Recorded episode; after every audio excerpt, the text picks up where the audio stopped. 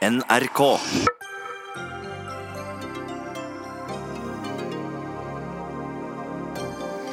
Det nye byrådet i hovedstaden presenterte stolt sin nye politiske plattform for de neste fire årene i dag. Samtidig som det ble kjent at under de samme partienes ledelse har det skjedd over 99 000 brudd på lovverket på tre år. Hvor stolt er de av den statistikken?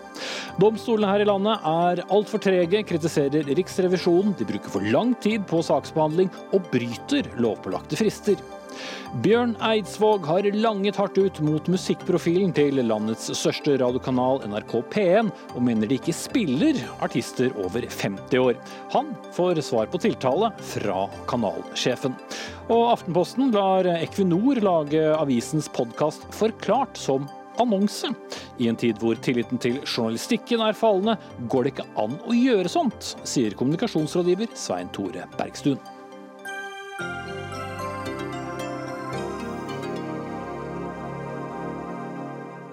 Ja, da sier vi god kveld og velkommen til tirsdagens Dagsnytt 18. Jeg heter eh, Espen Aas. Og vi starter med en mildt sagt dramatisk dag i Oslo, der bevæpnet politi i dag måtte stanse to personer med våpen som stjal en ambulanse og skadet flere ved å kjøre på dem.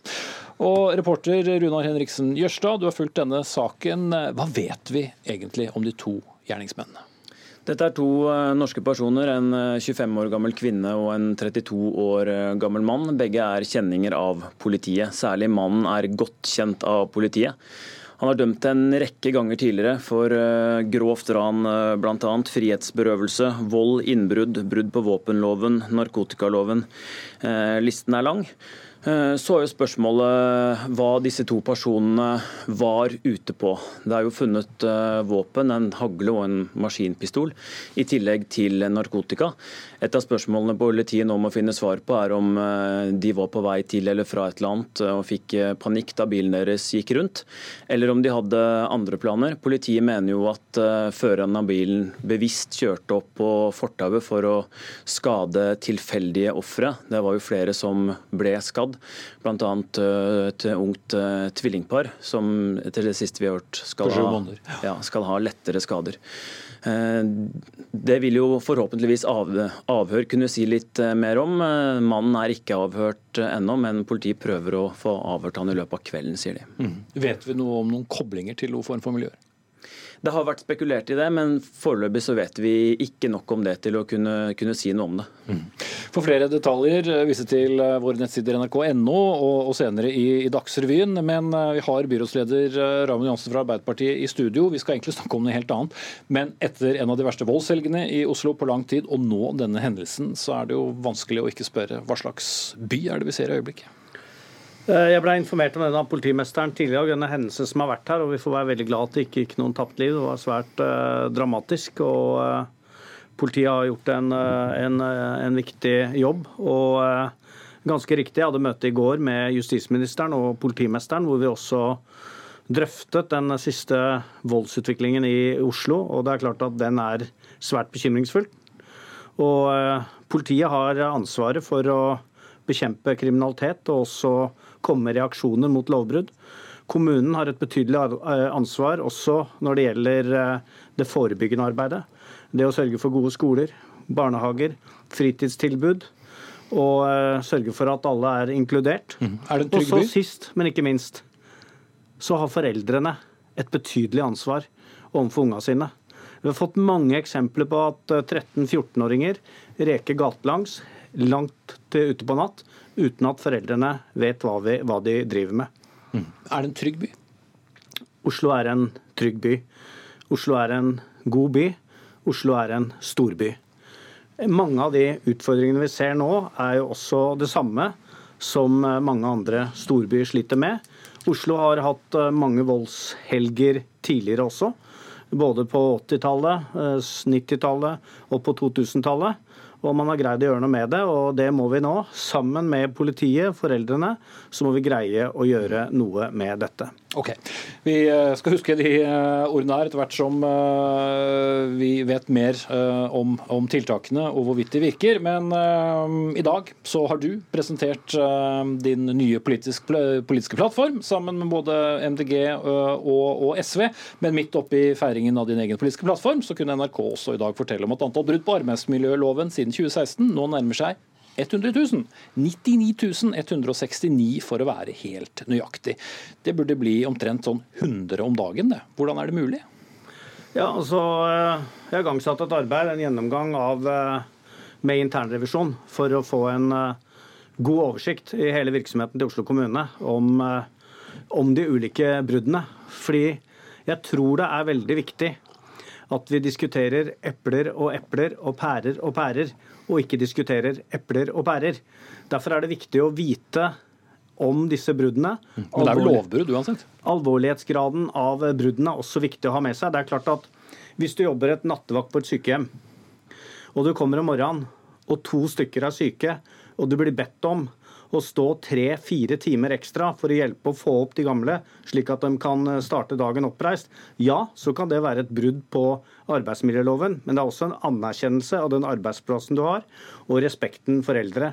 Så har du alvorligere arbeidsmiljøbrudd, som vi må ta en, eh, ta en eh, en gjennomgang av, men det er viktig nå å vite hva vi snakker om. fordi at Du kan ramse opp 100 000, vi kan ramse opp 50 000. Hvis vi ikke evner å diskutere innholdet i bruddene, så tror jeg vi eh, kommer galt av sted. Mm. Nyvalgt leder for Høyres bystyregruppe i Oslo, Øystein eh, Sundelin. Eh, det var ikke sånn at det ikke fantes lovbrudd da dere styrte byen gjennom mange år heller, men, men la oss se på dagens situasjon. Hva forventer dere at det nye byrådet gjør i, i denne saken med, med dette høye antallet? Ja, la meg først skyte inn en gratulasjon til Raimond Johansen og byrådet lagt frem en ny plattform i dag. Det har helt sikkert vært krevende arbeid som eh, det må være deilig å komme i mål med. Og så blir det spennende nå å utfordre den politikken i tiden som, eh, som kommer. Eh, jeg er helt enig med Johansen at vi må jo se på hva slags brudd det er. Men når vi er oppe i 100 000, så er det systematiske brudd eh, i ulik alvorlighetsgrad, sannsynligvis. Og eh, det som er påfallende for meg, det er at for to år siden, da vi sto oppe i en søppelskandale i Oslo, så sa nettopp Raymond Johansen at vi skal ha nulltoleranse for systematiske brudd på arbeidsmiljøloven i Oslo. Og 100 000 brudd siden det forteller meg at det nok har vært systematiske brudd på arbeidsmiljøloven. Og da er spørsmålet hvilken sammenheng det var mellom den pressekonferansen og det man predikerte da, og den situasjonen vi er i nå. Mm. Og det må få noen følger operativt og kanskje også politiske konsekvenser. Tusen takk for eh, spørsmålet, og det er viktig for meg. Nå må jeg først vite at årsaken til Vereno-skandalen var jo at de ikke evnet å gjøre oppdraget sitt. Mm. Som var altså et privat selskap som tok som seg av søppelhenting i Oslo? Eh, og det var faktisk det å hente søppel. Det var jo et søppelkaos i Oslo uten like. Og dessuten så gikk jo virksomheten konkurs. Og så har de senere også blitt dømt for brudd på arbeidsmiljøloven. Det som bl.a. er avdekket der, det var jo at man hadde jobbet oppimot 80 timer sammenhengende. Man fant ut at man kjørte en lastebil på vinteren en eh, dag etter å ha jobbet i mm. okay, oppimot 60 timer. Jo, men, men det er igjen, igjen viktig at vi diskuterer epler og epler og pærer og pærer. Det er veldig alvorlige brudd. Så er jeg enig med, med, med Øystein Eh, Sundelin i at vi må få alle kortene på bordet. Vi må se på alvorlighetsgraden. Mm. Vi må se på om det er en systematikk i bruddene her, eller hva det egentlig mm. dreier seg om. Og, og, og er det et politisk eh, ansvar? Og jeg gleder meg til å legge fram det for bystyret. Jeg som byrådsleder har tatt initiativ til det. Jeg er veldig positiv til at vi har klart å få ned eh, antall brudd på arbeidsmiljøloven, f.eks. i sykehjemsetaten fra 2013. Så det er ikke snakk om at problemet har forsvunnet, men det er redusert. Og det må jeg også gi en gratulasjon til sjefen for sykehjemsetaten, som har jobbet systematisk og godt med dette. Men altså, eh, din kollega Lan Marie Berg fra MDG, som eh, har stadig takket nei til å komme til, til Dagsnytt 18, så ble det avslørt 15 000 brudd på arbeidsmiljøloven bare i hennes etater. Hun har bl.a pekt på at dette er etatslederes ansvar. Er du enig i at det er der først og fremst ansvaret ligger, eller er det et politisk ansvar? Altså, vi har et parlamentarisk system i Oslo. Eh, jeg er øverste sjefen for, eh, for det byrådet. Og jeg har eh, byråder som har sin del av ansvaret. Det er det samme som rådmenn har. Og så er det et veldig tydelig signal ut i, ut i, vår virksomhet at de skal både rapportere om de har tilstrekkelige ressurser for å utføre de jobbene de skal. Og så er det melde tilbake og rapportere om det er en, et brudd på det.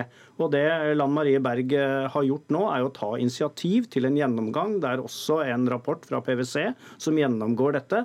Så får vi se på alvorlighetsgraden av det. Jeg har full tillit til at Lan Marie Berg gjør dette på en aldeles utmerket måte, og vil også legge fram dette for bystyret. Mm.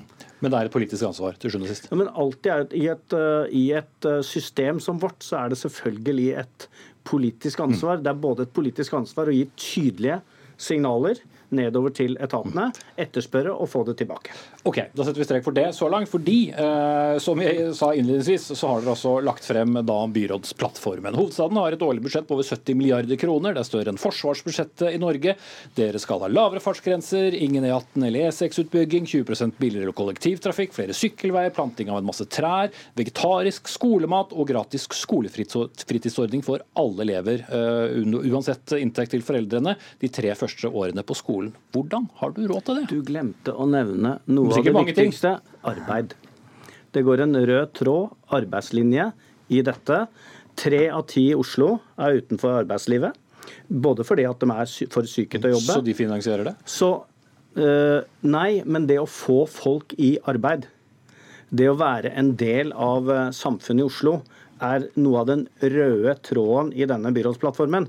Og Jeg ville bare gjøre eh, programleder oppmerksom på at det ved sine arbeid, ved siden av klima og utjevning, er våre tre hovedsaker som jeg gleder meg til å kunne diskutere i bystyret senere. Kunne du lagt frem noe som ligner på dette, Sundlin? Jeg tror ikke det ville vært eh, helt likt, men det er eh, definitivt mye som vi her vil kunne være enige om. og Det samarbeidet ser jeg, ser jeg frem til. Det jeg savner mest her, det er ambisjonene og de, de konkrete løftene for hvordan man skal løfte kunnskapsnivået i skolen. For jeg er helt enig med Raymond Johansen at arbeid er det viktigste i en by som Oslo. og Det ser vi kanskje spesielt etter en helg som dette med de voldsepisodene. Hvor viktig det å være i arbeid eller i utdanning er. Og da må vi løfte Oslo-skolen. Kvaliteten i Oslo-skolen, det elevene lærer i Oslo-skolen, må gjøre dem best mulig rustet til det arbeidslivet de skal ut i, både nasjonalt og internasjonalt. Og jeg savner nok i denne erklæringen at skole løftes opp ett nivå og et tak. Ok, Vi kommer helt sikkert til å komme inn på mer eh, av rosiner i pølsen og andre ting. Takk skal dere ha begge to. Nyvalgt leder av Høyres bystyregruppe i Oslo, Øystein Sundelin, og byråd Raymond Johansen, byrådsleder Raymond Johansen fra Arbeiderpartiet.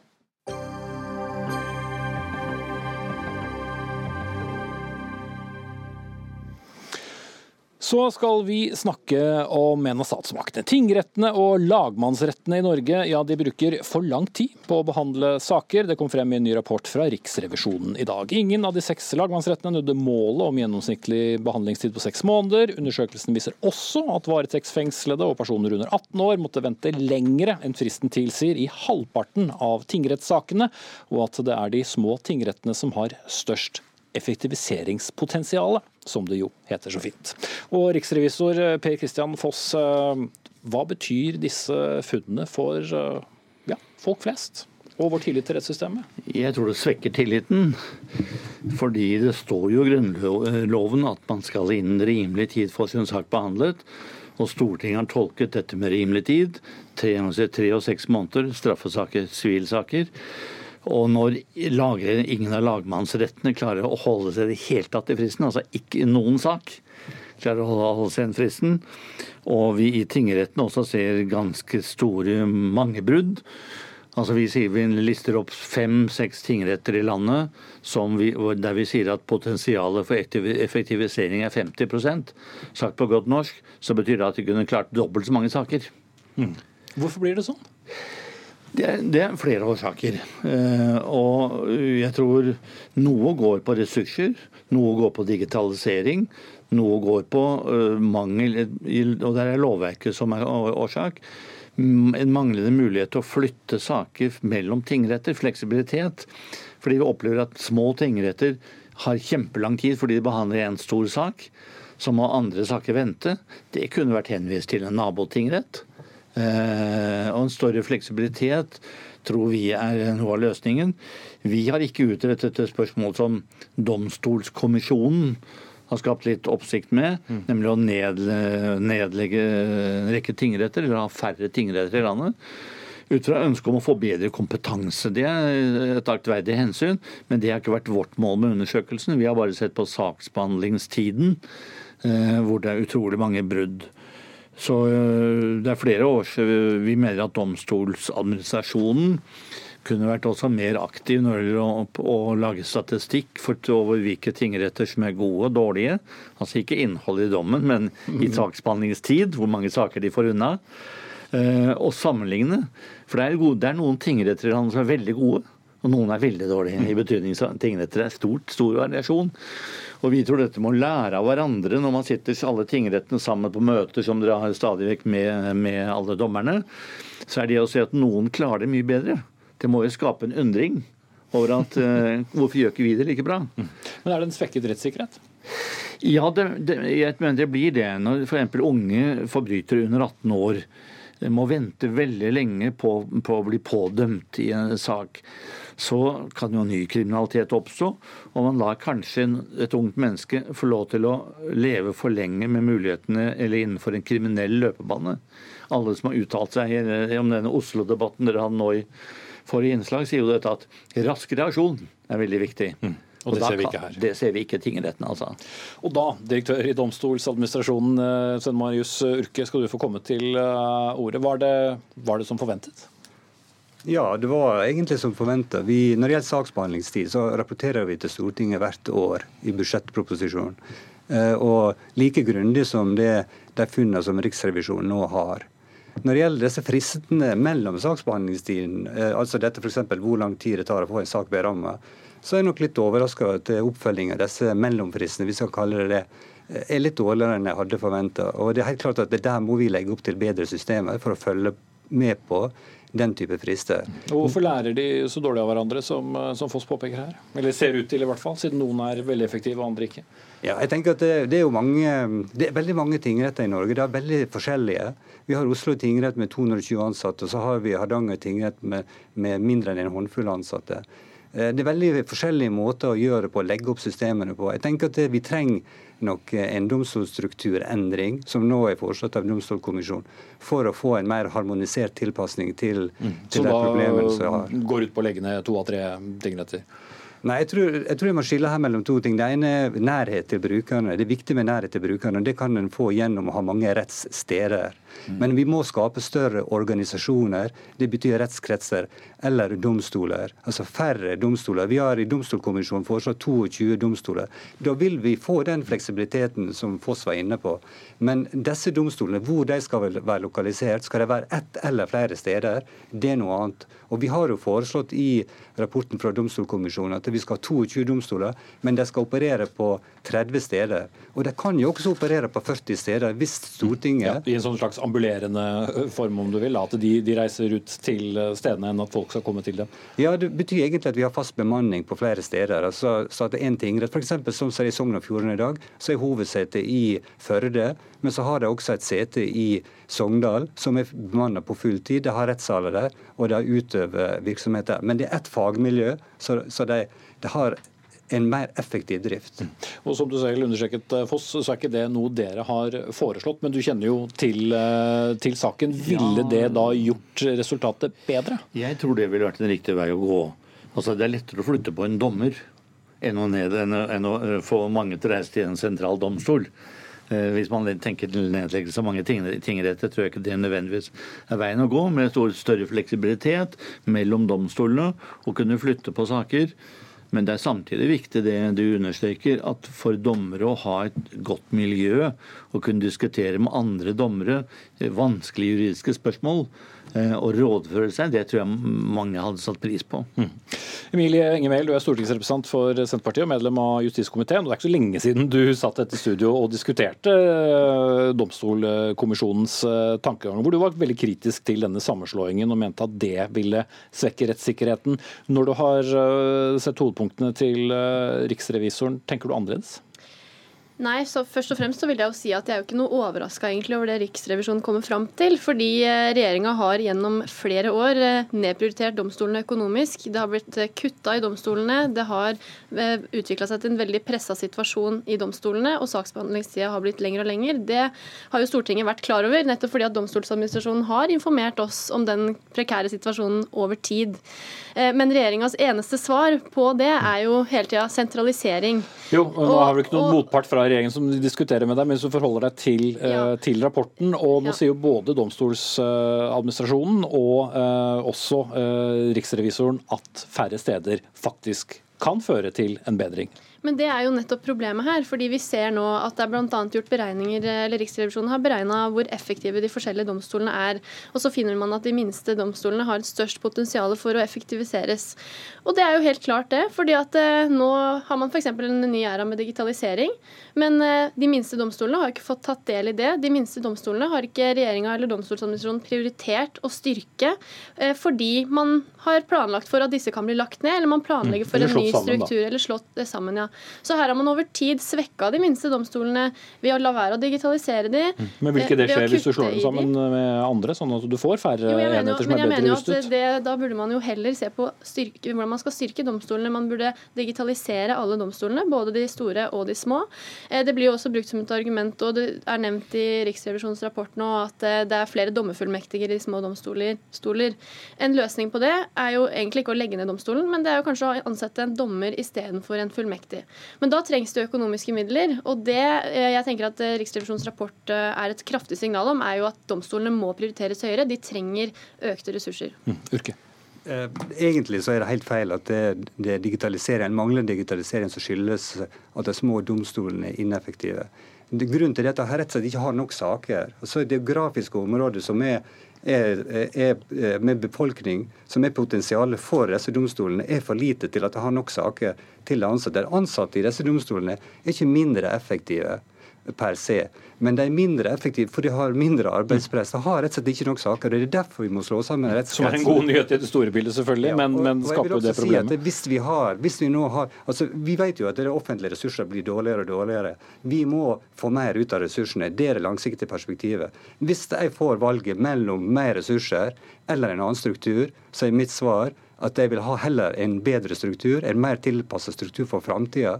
Enn mer penger. Enn mer penger. Og da skal vi klare å få alle domstolene inne på, på de kravene som riksrevisor har vært inne på her. Da er det ikke noe lur på det, Det høres jo ut som at eh, domstol, altså folk i de små domstolene i Norge sitter og finner tommeltotter. Det er jo en helt annen virkelighet man får se hvis man drar ut og besøker dem. Du nevnte jo Hartanger tingrett uh, i stad. Det er jo en domstol som har nok av ting å gjøre, og som må levere gode tjenester til befolkningen uh, der de er. Hvis man skulle... Men jeg tror vi må holde oss til fakta, slik som det er fremlagt både av Riksrevisjonen og Domstolkommisjonen. Det er, det er, et faktum at disse, disse, domstolene, som er de minste, har for lite saker. Ja, men Urke, da tror jeg du også må se... Vi sier ikke at de, de tvinner tommeltotter, men det har for lite ja, saker. Men jeg må få svar på det. Ja, Kort, Engelmark, ja. for uh, tiden er ute. Her, her, ser det jo ut som at f.eks. de minste domstolene er minst effektive. Men eh, det er jo vist her at Bergen tingrett er den største domstolen som er fullfaglig vi har. Den har lengst saksbehandlingstid. Senja tingrett har mye mindre saksbehandlingstid enn Bergen, men den kommer dårligere ut i statistikk politikken her. Ja. Fordi at det er et større potensial for effektivisering, f.eks. digitalisering, som ville gjort domstolen mer effektiv. Mm. Jeg ser at dere begge vil svare på det, mine herrer, men jeg må sette strekk. Det er en vel fullstappet sending i dag. Takk til Emilie Enger stortingsrepresentant og medlem av justiskomiteen for Senterpartiet. Sven eh, Marius Urke, direktør i Domstoladministrasjonen, og riksrevisor Per Christian Foss. Dagsnytt 18 alle hverdager kl 18.00 på NRK P2 og NRK2.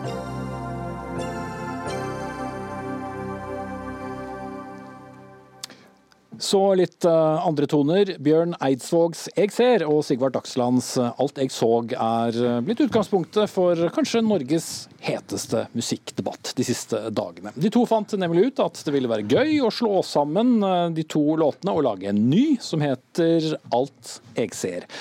Og mulig det. Men like gøy var det kanskje ikke at den ikke nådde opp på NRK P1s A-spilleliste, som det heter, de mest eh, spilte låtene. Bjørn Eidsvåg gikk hardt ut og kritiserte musikkprofilen til den nevnte NRK-kanalen. I en kronikk i VG så stiller han spørsmålet er jeg for dårlig eller er jeg for gammel. Og Bjørn Eidsvåg, er det noe svar på det? Nei, kanskje, en, kanskje P1 kan gi meg svar etter hvert. Altså, Utgangspunktet her er helt riktig, som du sier, at uh, vi, vi, sendte inn den nye låten og trodde den var radiovennlig og ville bli spilt. Og så vi, uh, hørte vi ikke noe. Og det syns vi var underlig. Og så begynte vi å spørre rundt i bransjen. Hva er det som skjer? Er det nye kriterier på gang? Hva er det som skjer? Og da aner vi at, eller skjønner vi at det er ganske stor misnøye i bransjen med mangel på kontakt med P1, eh, mangel på dialog. Eh, noen eh, sier at de har satt aldersgrense. Hvis du er over 50, så får du ikke bli spilt. Da satte vi i gang og undersøkte det, og så fant vi ut at det var det én artist i 2019 over 50 som er eh, lista. Og det syns vi jo var ganske interessant. Så da for øvrig var det Lillos eh, ut fra din kronikk? Det var det Lillos. Og de ble lista da halvparten, de ble C-lista, og halvparten av den tiden som er, er vanlig å bli lista. Og da var det jeg skrev den artikkelen. For det, dette syns jeg er vanskelig hvis, eh, hvis, P1 har en sånn type profil, og, og ønska at de skulle svare på det. Og det var det eh, mange i bransjen som satte pris på at de ville skrive om, ville spørre om. Mm. Det er jo ikke sånn at alle artister nødvendigvis uh, får et eller annet svar hver gang de sender inn en uh, plate Nei, til en det, radiokanal? Det forventes heller ikke, men, men, å få, men, å være i dialog med NRK på, på, på, premissene og kriteriene om dette her, det er veldig viktig. Og det tror jeg òg NRK er, eh, P1 er enig i. Mm. Ja, la oss uh være serviceinnstilt her i, i P2. Katinka Rondan, du er nytilsatt radiosjef her i NRK, og da slik sett også øverste ansvarlig for den musikkprofilen i, i P1. Er det sånn at vi har en aldersgrense? At det ikke er artister over 50, med unntak av De Lillos, da, som, som, spilles på landets største radiokanal? Nei, det er selvfølgelig ikke sånn at det er en aldersgrense. Det, det, skulle, det skulle, tatt seg ut. Ja, og så er det mer enn én, så det er ikke helt riktig. Ja, hvem da? Det er Sigmund Groven også. Og så er ja, Sigmund Groven deltar på en, en plate, tror jeg. Jeg tror ikke, han, jeg tror ikke det er hans soloplate så vidt jeg har hørt. Uh, altså, han er medmusikalt. Ja, ja, ja, ja, Men uh, det er jo altså, Og i fjor så var det åtte-ni. Altså, det er jo Jeg tenker jo at det er liksom å gå litt i feil spor. fordi For det første så teller vi ikke. For det er ikke en aldersgrense. Det er jo ikke sånn at vi ser etter en aldersgrense. Og så er det også uh, sånn at det er viktig med ny norsk musikk for P1 og for NRK. Det er et viktig oppdrag.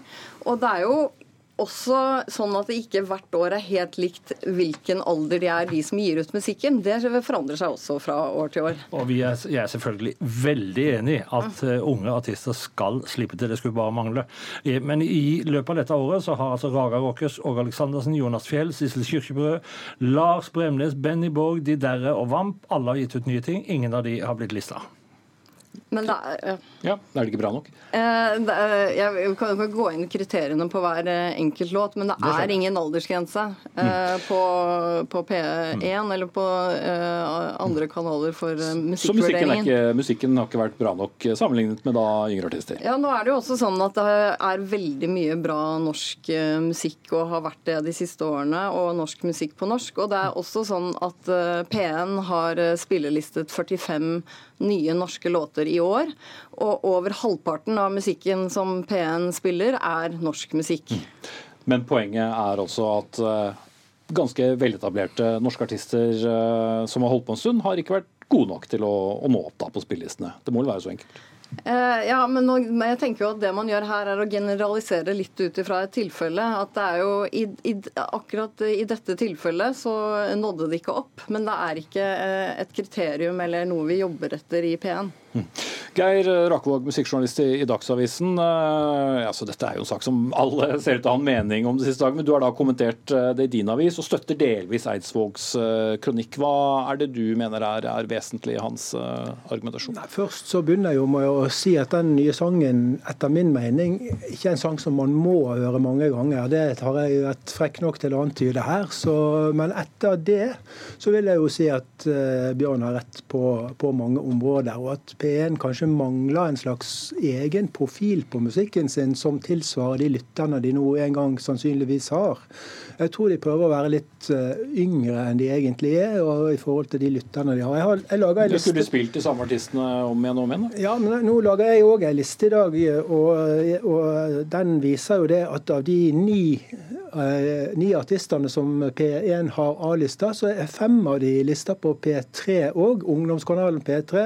B-lister, ti artister. Sju av de er lister på P3. Så det er jo, det er jo en veldig sammenblanding, en veldig ensarta profil. og prøver, Kanskje P1 prøver å være yngre og hippere enn de egentlig er.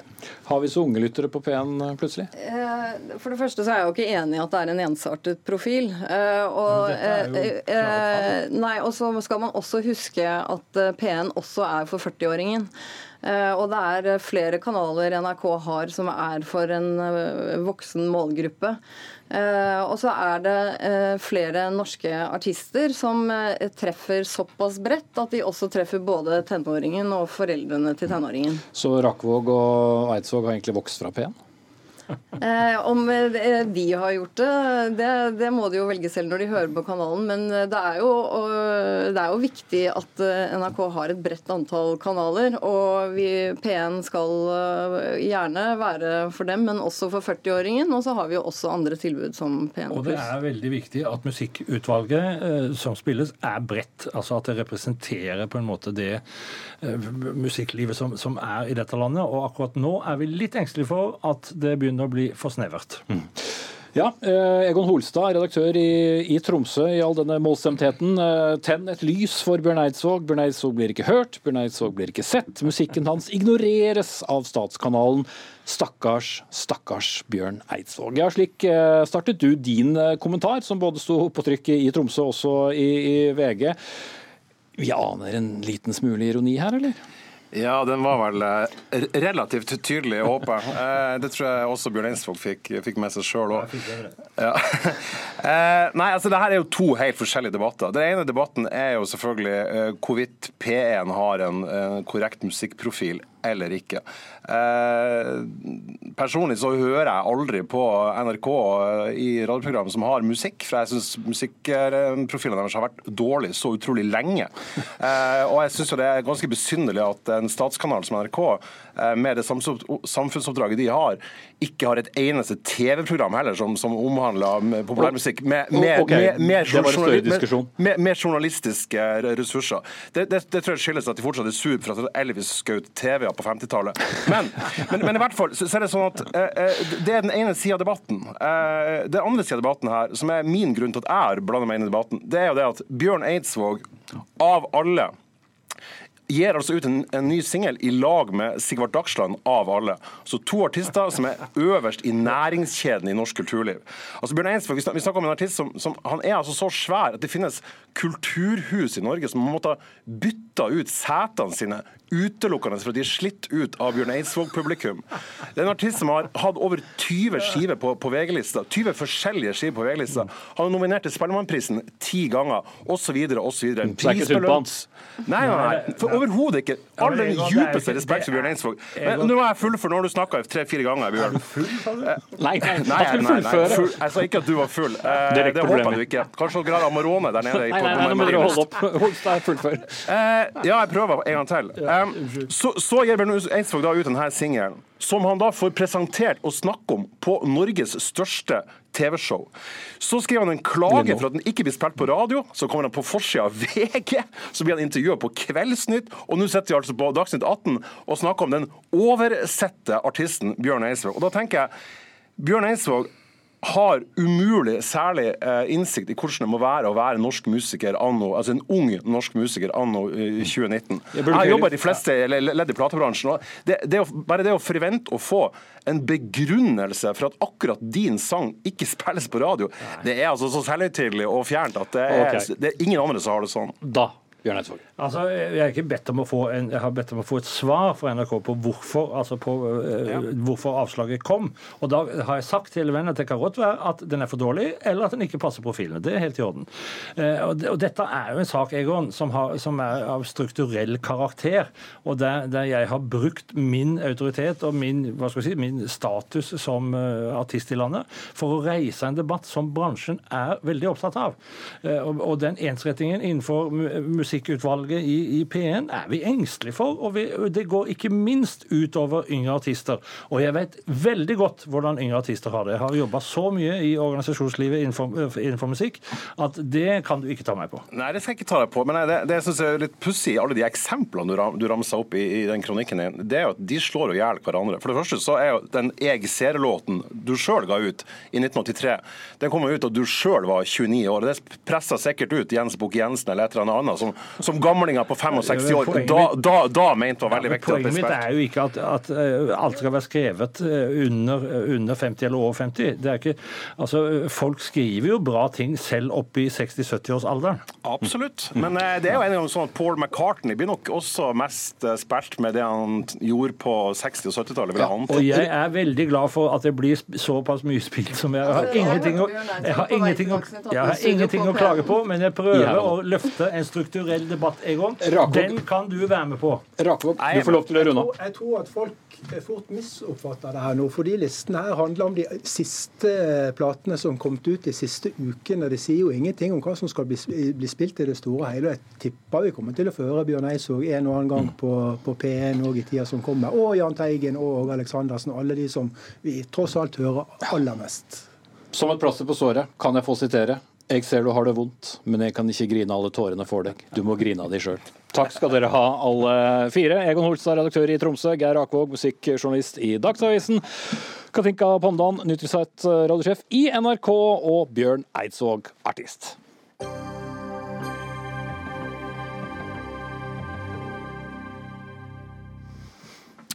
Vi har eh, vel strengt tatt mer enn én gang i dette studio snakket om eh, Arbeiderpartiets videre kurs etter det ikke fullt så imponerende lokalvalget i år. I kjølvannet til og med av dette valget så har flere i partiet snakket om et mulig samarbeid med Miljøpartiet De Grønne ved en eventuell valgseier i 2021.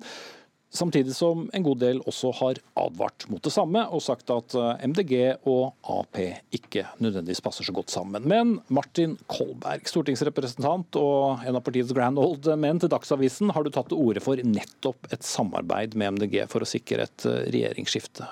Hvorfor det? For det vi ser, det er jo at hele miljøutfordringen er jo den absolutt største politiske saken som eh, vi alle står overfor. Og eh, Miljøpartiet og miljøbevegelsen representerer det jeg vil karakterisere som en folkebevegelse. Og eh, I min tenkning så er det helt avgjørende for det jeg kaller for norsk sosialdemokrati, spesielt da med Arbeiderpartiet, og eh, etablere nødvendig samarbeid med denne entusiastiske bevegelsen som det i virkeligheten er. Men det er ganske forskjellig, f.eks. For øh, hvorvidt øh, hvor lenge oljenæringen skal holde på? Jo, jeg kjenner til alle disse konfliktpunktene, så absolutt.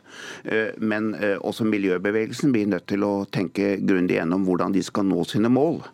Og det som er sagt i de senere dagene, og som jeg gjør til mine ord, som jeg gjør til mine, det er at det er ikke mulig å få noe samfunn grønt uten at det også er rødt. Fordi uten at vi greier å bruke politikken og samfunnet til å omforme i henhold til de utfordringene som ligger der på miljøsida, så vil vi rett og slett ikke nå målene. Eh, og Det tror jeg er en erkjennelse som også ligger i Miljøpartiet og i miljøbevegelsen. og Derfor er det så veldig viktig for oss å entusiastisk eh, ta fatt på dette arbeidet sammen med de fine folka vi her snakker om. Mm. Men Er det noen konkrete saker som tilhører Miljøpartiet De Grønne som du tenker at Arbeiderpartiet er helt enig med dem om? Ja, det er jo flere. Altså, er jo, eh, målsettingen er vi helt enige om. Og jeg uh, har ikke lyst til egentlig å gå inn i alle disse uh, enkeltsakene nå, for det er ikke det som er mitt anliggende. Mitt anliggende er å få sagt at et framtidig arbeid med utviklingen av klimasakene må vi gjøre sammen med bevegelsen. Og Sosialdemokratiet har jo stått overfor slike konflikter tidligere. I det intervjuet som du nevner, som er litt historisk og litt langt unna kanskje, nemlig EU-saken og folkebevegelsen den var. Da var jeg på Youngstorget. Jeg vet at vi frontet opp mot den bevegelsen, tapte og erkjente det ikke på en tilstrekkelig måte. Da vi etablerte det rød-grønne samarbeidet i 2005, ble, og da var jeg partisekretær, da ble det også sagt at vi kan ikke bryte den historiske linjen ved å regjere, alene. Det gjorde vi. Det ble veldig vellykket. Nå står vi for en ny utfordring, og jeg vil at sosialdemokratiet skal være framtidsrettet. Mm. Theodor Bru, talsperson i Grønn uh, Ungdom, som er da ungdomsorganisasjonen til Miljøpartiet De Grønne, hvis noen lurte på det. Uh, er du overrasket over at dere nå ønskes eh, velkommen inn i varmen hos Arbeiderpartiet, og er det noe dere ønsker? Jeg vil ikke si at jeg er spesielt overrasket. og Vi har på en måte vært sterkt kritiske til Arbeiderpartiet i mange år måte, og pekt på dem som en av de store grå partiene som, som har en for dårlig klima- og oljepolitikk. på en måte, Men vi er ikke overrasket over at Arbeiderpartiet nå begynner å modnes i spørsmål knyttet til MDG og til klimaspørsmålet. For vi tror at Arbeiderpartiet er like opptatt av MDG i å gjøre den omstillingen vi nå må gjennom. Både det å erkjenne at omstillingen må skje, at noe må skje i politikken for at vi skal komme til et annet sted, i et grønt skifte. Og på å erkjenne at, at uh, det vil få uh, følger som er uh, relativt dramatiske for politikken. Og som at vi må komme dit på en så trygg og ansvarlig måte som mulig. At, og at vi må gjøre den omstillingen på en måte som sikrer trygge rammer, både for alle de som jobber i Norge, og også for økonomien vår. Selv om dere måtte eh, da eventuelt kanskje fire, for, eh, fire på uh, noen av deres kampsaker? Nei, det mener jeg ikke. Jeg mener at Hvis vi skal gå inn i et regjeringssamarbeid for eksempel, med Arbeiderpartiet eller noen andre partier, så må vi ha veldig solide gjennomslag på klimapolitikken og på oljepolitikken. Og jeg personlig og veldig mange med meg mener at et av de helt konkrete, klare kravene må være at vi ikke skal lete etter mer olje og gass. Eh, men jeg, sånn, jeg, jeg, ser at Arbeiderpartiet allerede nå begynner å modnes i disse spørsmålene, og vi må møte hverandre på et eller annet sted. Og det jeg er opptatt av å si, er at vi, opplever, vi føler en veldig mistillit mot den regjeringen som sitter nå. Den klarer ikke å løse klimautfordringene, og svikter også i, i alt fra velferdspolitikken til sosialpolitikken. Mm. Men syns dere ofte og, sammenligner Arbeiderpartiet med Høyre i oljepolitikk? Det gjør vi. Eh, og historisk har vi sett at det er store likhetstrekk mellom Arbeiderpartiet og Høyre i oljepolitikken. Men Uh, uten at jeg skal liksom ta noe på forskudd i Arbeiderpartiet nå, for de har prosesser på politikk som alle andre partier, så ser vi at det er bevegelser i oljepolitikken der som ikke vi ser i Høyre. Mm. Og, og, hvis vi ser uh, liksom, den rød-grønne sida under ett, så er det mer bevegelser i olje- og klimapolitikken der som kan være interessant for seinere samtaler. Martin Kolberg, du var jo berømt for din fagbevegelsen, fagbevegelsen, fagbevegelsen. Men du bytter vel ikke det nødvendigvis ut med miljøbevegelsen, miljøbevegelsen, miljøbevegelsen? Nei, jeg uh, gjentar det. Fagbevegelsen, fagbevegelsen, fagbevegelsen. Uh, fordi uh, fagbevegelsen har hele tiden i Norge, takk og pris vil jeg si, vært en framtidsbevegelse som virkelig har gleid alle omstillingene. Og litt i motsetning til hva som blir sagt her nå, for å bare korrigere litt, så har ikke jeg tatt til inntekt for det Bru sier her, det er jo det at vi kommer ikke til å klare denne omstillingen uten den teknologien som oljeindustrien representerer. Mm. Men mange i eh, fagbevegelsen har jo også uttalt seg veldig skeptisk om uh, Miljøpartiet De Grønne, senest uh, på landsmøtet til, uh, til Fellesforbundet. Jeg hører det, og jeg respekterer det. Og det, jeg tror det er ingen i fagbevegelsen som hører dette, som tror at jeg vil gi dem på båten på noe sett og vis. For det er klart at det er både arbeidsplasser, teknologi og utvikling av verdiskapningen som oljesektoren representerer, den er ikke noe som vi kan kan gi på båten uten videre. Og det som miljøbevegelsen også gradvis da, må modnes på, det er at de er nødt til å gå fram i et tempo og på en sånn måte at vi ikke får omskiftninger som ikke gjør det mulig å få befolkningen med seg. Mm. Og Da må man flytte kanskje noen mål om når man stenger ned oljeproduksjonen? De, de, jeg kommenterer ikke det konkret, men jeg bare sier det er den utviklingen vi må inn i. Og det jeg gjør gjennom dette intervjuet og her i dag, det er å invitere miljøbevegelsen inn i et tenkning rundt dette som kan gi et reelt, ordentlig resultat at vi får befolkningen med oss, og at vi i fellesskap sørger for at det ikke er folk flest som må betale prisen for dette. For det kommer ikke til å gå. Hege Ulstein, kommentator i Dagsavisen. Distriktsopprør og nettopp klimakonflikt var tydelig i årets eh, kommunevalg, samtidig som Arbeiderpartiet, som vi har sagt noen ganger, gikk på sitt dårligste valg eh, på, på veldig, veldig mange år. Hvilken taktikk ser du for deg at nå stiger frem i, i partiet? Jeg tror at det Arbeiderpartiet ser som en sånn stor politisk oppgave som, som de kan prøve å ha ambisjoner om å ta på seg, hvert fall, er å forene noen av disse strømningene under, eh, under en sosialdemokratisk paraply. Eh, fordi det vi så ved valget som var nå, det var at MDG gjorde veldig godt i de store byene. Eh, men det er der de vokser. Mens Senterpartiet har gjort seg veldig godt i distriktene. Og så har du samtidig en situasjon hvor mange oppfatter at de står for veldig sånn forskjellig politikk. Eh, og at du har en konfliktakse som går mellom hvis vi skal si det på en litt tabloid måte, altså den dieseltraktoren på jordet i distriktene og den elsykkelen eh, på, på Karl Johan i Oslo. ikke sant? Og, og da må man sånn som jeg tror mange i Arbeiderpartiet har begynt å snakke nå, se for seg hvordan de kan løfte disse to hensynene sammen til en offensiv eh, miljø- og distriktspolitikk som fungerer i hele landet. Og få, eh, få en omstilling som får, får, begge de to med seg. Mm. Og så har du den tredje faktoren i den ligningen som du var inne på, som er fagbevegelsen og, og industrien. Mm.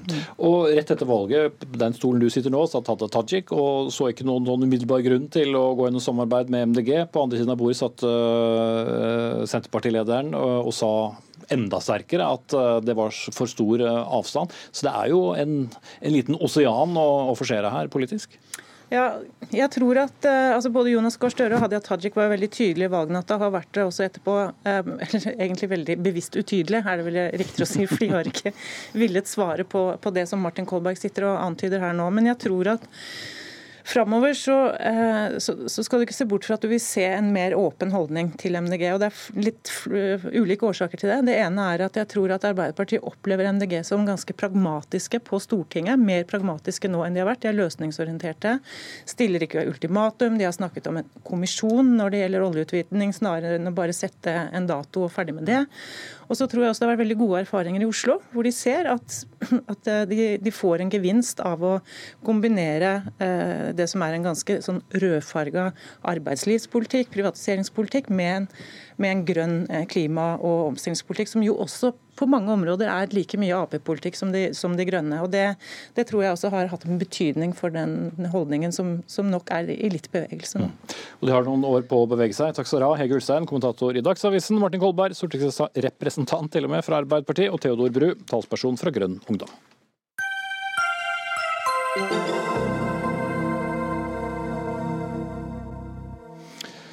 Vi så nylig at eh, landets helseminister Bent Høie fra Høyre skrev på Facebook at eh, utspillene som har kommet i forbindelse med debatten rundt PREP, føltes som et kaldt gufs fra 80-tallet. Innlegget som ble publisert på lørdag, er eh, bl.a. gjengitt i Nettavisen. For i 2017 så ble det hiv-forebyggende preparatet PREP altså tilgjengelig i Norge. En NRK-reportasje i begynnelsen av måneden blåste nytt liv i denne debatten om preparatet, som ifølge en rapport fra Olafia-klinikken har hindret 80 nye tilfeller av viruset i Norge.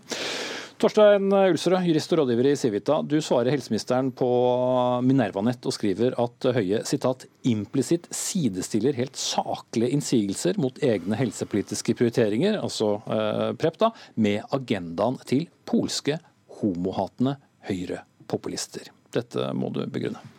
Ja, eh, bare for å si det først, da, siden alle pleier å gjøre det på Dagsnytt 18, så, så, tror jeg nok ikke jeg og Bent Høie er så veldig uenige om eh, synet på homobevegelsen og hva som er eh, av problematiske utviklingstrekk. Av på først, vil jeg bare si. Også... Eh, så uenigheten her er nok litt mer om hvordan det er lurt å føre disse debattene. og Høie har jo helt rett, som han skriver i innlegget sitt på Nettavisen, at det er, at det er en hel masse kritikk av både homosaken generelt og dette PREP-tiltaket spesielt, som er helt uakseptabel, og som bunner i homohat eller eh, homofobi og moralisme og den type ting. Eh, men det at dette finnes, det betyr jo ikke at det ikke også finnes legitime innsigelser her, og, og, og legitime debatter å ta. Og jeg syns vel at problemet med Høie sitt innlegg på, på Nettavisen er at Uh, han ikke i tilstrekkelig grad skiller mellom dette, og ikke i tilstrekkelig grad anerkjenner at det også finnes Eh, helt akseptable innsigelser mot den politikken som han, eh, han er ansvarlig for. Men innsigelsene var vel først og fremst mot de ikke fullt så saklige kommentarene? Uh, ja, og, det, ja, og det, er for, det, er for, det, er veldig forståelig at man reagerer på det. Men, men innlegget til Høie er jo også veldig kritisk til reportasjen til NRK som du, som du viste til, som jeg mener var en som han i hvert fall, Nå husker jeg ikke nøyaktig formuleringen, men det etterlatte inntrykket er jo at det også var liksom et gufs fra 80-tallet og bundet til moralisme og den type ting. Og Det mener jeg var et helt saklig og nyansert innlegg. Uh, og jeg mener det er eh, at Høie på den måten for det første gjør det litt for lett for seg. Eh, fordi det er ikke, det er ikke slik at alle innsigelser mot PREP f.eks. er bunner i moralisme. Noe av det er handler om beslutningsprosessen osv. Det er helt saklig. Og så tror jeg ikke det er så lurt heller, fordi at Eh, ved å sette opp en sånn, eller i hvert fall etterlate et inntrykk av at her er det en sånn med oss eller mot oss-logikk, så, så, tror jeg man også lett støter fra seg mange som kanskje i utgangspunktet er sympatisk innstilt da, til homosaken, for å kalle det det. Mm. Da, helseminister eh, Bent Høie, får du kommentere den kritikken fra, fra Ulsrød. Nei, jeg tror det, altså jeg mener det er en helt urimelig kritikk, for dette innlegget handler først og fremst ikke om PREP. Eh, det handler om at vi denne uka vi har vært igjennom har hatt flere eh, veldig triste tilbakeslag. Og for meg personlig så var det rett og slett en del av de eh, innleggene som ble skrevet på Facebook i forbindelse med PREP-saken, der jeg nå ikke lenger kan si at jeg ikke er utsatt for personlig hets fordi jeg er homofil politiker. Jeg har gjort intervjuer som åpen politiker i over 20 år. Eh, jeg har alltid kunnet svare på det spørsmålet. Nei, jeg har ikke opplevd den type hets før nå. Eh, og Det mener jeg at det ga grunn selv til å lage dette innlegget som først og fremst ikke handler om et forsvar for PREP, for det har jeg forsvart på veldig mange andre arenaer, men som handler om at jeg er veldig bekymra for å se. og det den type hets som nå kommer fram. Og på Facebook så ser jeg at dette ofte er godt voksne mennesker jeg vil tro at mange av de er besteforeldre. Sannsynligvis følger barnebarnet deres eh, de på Facebook. Og når de ser på den eh, måten som de hetser homofile på, så gjør det meg veldig bekymra. Jeg mener at jeg har et ansvar for å gi beskjed om at eh, her har det eh, skjedd en negativ utvikling. Mm. Men det er også åpent for at uh, folk stiller seg spørsmålet hvorfor skal vi bruke penger på det, og ikke på dyre migrenemedisiner eller uh, livsforlengende kreftmedisiner? Ja, og Det er en helt legitim debatt som jeg jo deltar i og svarer på. Men det har, eh, dette var ikke et forsøk på å stemple de som er kritiske til PREP, som alle som homohatere eller som, som folk som, som, driver med hets. Men det som er utfordringen, er at det som jeg òg tok opp i innlegget, er at NRKs reportasje utløser òg noe annet. Nemlig den fortsatte stigmatiseringen av hiv-positive og hiv som fenomen. Eh, og det mener jeg det er et gufs for 80-tallet. Eh, fordi eh, den skaper et veldig klart inntrykk av at det er de hiv-positive sjøl som er ansvarlig for at de havna i den situasjonen. og Derfor så bør ikke samfunnet stille opp på den type stigmatisering av hiv-positive. En av årsakene til at arbeidet med å bekjempe hiv har tatt altfor lang tid. Mm. Eh, ja, jeg, jeg, er helt enig. Jeg, som sagt, jeg synes det er, er, veldig forståelig at Høie reagerer på hets og den type ting. Det tror jeg vi er helt enige om at det er rimelig. Men jeg synes som sagt at noe av problemet med det innlegget var vel at det, etterlot et inntrykk av at eller i hvert fall ikke klart nok skilte mellom det som er legitim kritikk, som jeg tror også Høie mener er legitim kritikk av f.eks. PREP som helsepolitisk tiltak. Men mener du det er en avledningsmanøver?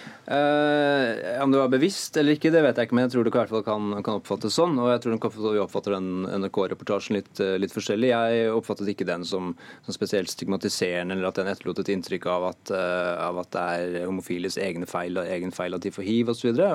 Jeg tror, uh, altså jeg tror jeg vil tro at reaksjonene på dette her er, går over hele spekteret, men jeg, vet også at det er veldig mange moderate i utgangspunktet Eh, homovennlige mennesker som har reagert på, på PREP etter NRK, eh, etter NRK, sin sak. Og Da er det jo interessant å spørre seg hvorfor det er slik. og Da er det dumt å prøve å et, skape inntrykk av at alt, alle negative reaksjoner skyldes moralisme eller fordommer. Men Da spør jeg helseministeren. Mm. Er PREP en god bruk av helseressurser? Definitivt. og Derfor er det jo ikke eh, riktig som prøves å fremstille som at dette ble et tiltak som ble innført uten at en hadde god nok dokumentasjon eller fylte de vanlige rutinene. Eh, når vi innførte PREP i Norge i 2017, så brukte vi det regelverket som vi da hadde for å innføre den type tilbud på blå reseptordningen. Eh, vi hadde internasjonale studier som viste at dette var samfunnsøkonomisk lønnsomt, selv om det den gangen ikke var et krav om å ha metodevurdering før en innførte dette. Og så er det veldig hyggelig at vi nå har fått eh, evaluert dette første gang, og det viser at det har stor positiv effekt. og Da syns jeg det er trist at en nettopp drar opp den gamle diskusjonen, når vi nå ser faktisk at dette virker. Bent Høie, helseminister fra Høyre, og Torstein Ulsrød, jurist og rådgiver i Nærmønett, takk skal dere ha. Hør Dagsnytt 18 når du vil. Radio NRK Radio.nrk.no.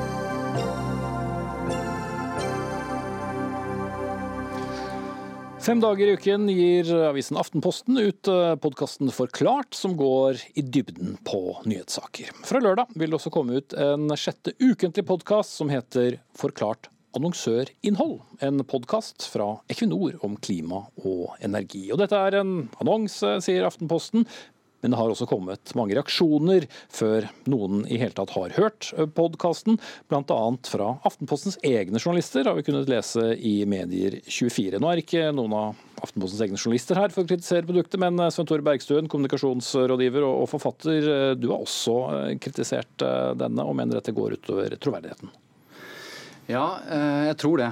Fordi det er mange mediehus nå som ser ut til å mene at eh, den største problemet er finansieringen av journalistikken. Og Det er klart det er en stor utfordring, det sliter alle med, men det er ikke den største utfordringen i dag. Den største utfordringen er at, at tilliten er fallende, og troverdigheten tilsynelatende til salgs.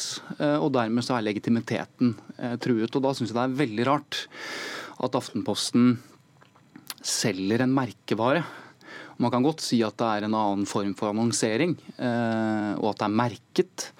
Men når det heter forklart annonsørinnhold, men det ser ut som forklart på alle mulige måter, og mm. det er noe av hovedproblemet. Så jeg syns det er rart at de gjør det, for det går utover eh, troverdigheten til eh, Aftenposten. Mm. Og det må vel ha vært noe dere tenkte på. Morten Andersen, du er da stabssjef, som det heter, i Aftenposten. Ja, vi har hatt uh, en diskusjon uh, i Aftenposten, og det har vi alltid når vi har nye annonseformater på gang. Og det som er kjernen i den saken, er at vi har solgt en annonse uh, på en lydflate. vanligvis så selger vi annonser på papirflater eller på nettsider eller i A-magasinet. Men det vi har gjort her, er å selge en annonse innenfor en uh, podkast. Mm. Den følger da de samme prinsippene som de andre annonsene i Aftenposten. Men, men med en, i hvert fall det dere har forsøkt å bygge opp som en, en merkevare? Ja, eh, til det så er det sånn at en, en podkast har to typer innhold. Den har redaksjonelt innhold, og den har eh, annonser. Og eh, summen av dette er innholdet i Forklart. På samme måte som annonser i papiravisen eh, presenteres under Aftenpostens logo og merkenavn, så presenteres eh, annonsene i Forklart under Aftenpostens eh, merkenavn. Hadde jeg vært Aftenposten, så hadde jeg antageligvis sagt dette. Fordi at de har all mulig interesse av å late som om dette er bare en annonse. Men forskjellen er at det er Forklart-podkasten som er solgt. Altså ikke innholdet og ikke journalistene, det skjønner vi. Og så sier de hele tiden at det er merket. Og det ser jeg, for jeg kan lese. Men det jeg, det jeg leser ut av situasjonen, er at de har solgt en merkevare. Det er omtrent som Og dette er sammenligningen. TV 2-nyhetene er en merkevare. Hvis TV 2-nyhetene solgte TV 2-nyhetene annonsørinnhold, så ville man kunne selge under TV 2-nyhetene fanen. Så, ja, men det er ikke journalistene våre som lager det, men de har solgt selve merkevaren. Og da skjønner man, tror jeg, hvis man er med på det premisset, så tror jeg man skjønner at dette er noe annet enn en annonse. Det er troverdigheten som Forklart har bygd opp, som Equinor kjøper. Og problemet er ikke at Equinor kjøper troverdighet. Problemet er at Aftenposten selger det. Ja. Eh, for ville gjort det samme som Junior, Innsikt, eh, A-magasinet, altså andre merkevarer som Aftenposten har, og bare merket annonsørinnhold, så er det greit? I alle disse merkevarene så selger Aftenposten annonser. Det er det vi har gjort her. Har ja, Men ikke med navnet? Jo, vi selger, vi selger annonser under Aftenpostens merkenavn. Og innholdet i Aftenposten består av to typer innhold. Redaksjonelt innhold og annonser. Og men, annonsen... men hvorfor, vil ikke, Morten, hvorfor ikke ser Jeg skjønner at du selger annonser, men hvorfor ser du ikke at hvis folk vil nå, så kan de søke på Equinor og Forklart, og så får de opp selve Forklart. Eh, kall det, Hvis noen husker CD-plater fra gamle dager. CD-plata ser helt lik ut. Altså Det er selve Forklart som du får opp, og så er det bare at Equinor som lager innholdet. Er, ser du ikke at det er forskjell på det og det å ha en annonse i avisen din? Annonser produseres av eh, kommersielle avdelinger i Aftenposten. Og det, Aften, det Equinor har gjort i denne sammenhengen her, det er å kjøpe en annonseflate. Og eh, Vi har veldig gode eh, retningslinjer i Vær varsom-plakaten som forteller eh, oss bl.a. at annonser skal være selvforklarende. At det er en annonse. Derfor har vi lagt stor vekt på Men Det står også svekt være... allerede det klare skille mellom journalistikk og reklame. Det står ikke bare det. I 2.6 så står det at det ikke skal være, man skal ikke spille på at man kan forveksle det som er redaksjonelt og det som er kommersielt. Og når dere bruker selve forklart-merkevaren, farge, Alt er likt, selv om det står merket. Du kunne jo Så- brukt et annet navn enn Forklart. da. Eller du kunne solgt latt være å selge navnet Forklart. Produktet heter Forklart, og vi har solgt en annonse inne i eh, Forklart. Og eh, hvordan kjenner man igjen en annonse? Jo, se på papir. Eh, den har et annet eh, uttrykk, den har et annet eh, format, den har et annet innhold. Har Og så ikke ser noe i vi- et Og så ser uttrykk. vi på podkasten vår, hva, hva er tilfellet med annonsen der?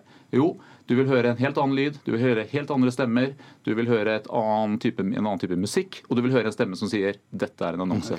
Morten Andersen, stabssjef i Aftenposten, og Sven Tor Bergstuen, kommunikasjonsrådgiver og forfatter. Jeg får da forklare at denne sendingen er over. Ansvarlig for den, Anne Katrine Førli. Teknisk ansvarlig, Erik Sandbråten. Jeg heter Espen Aas. Vi ses igjen på samme tid og samme sted i morgen.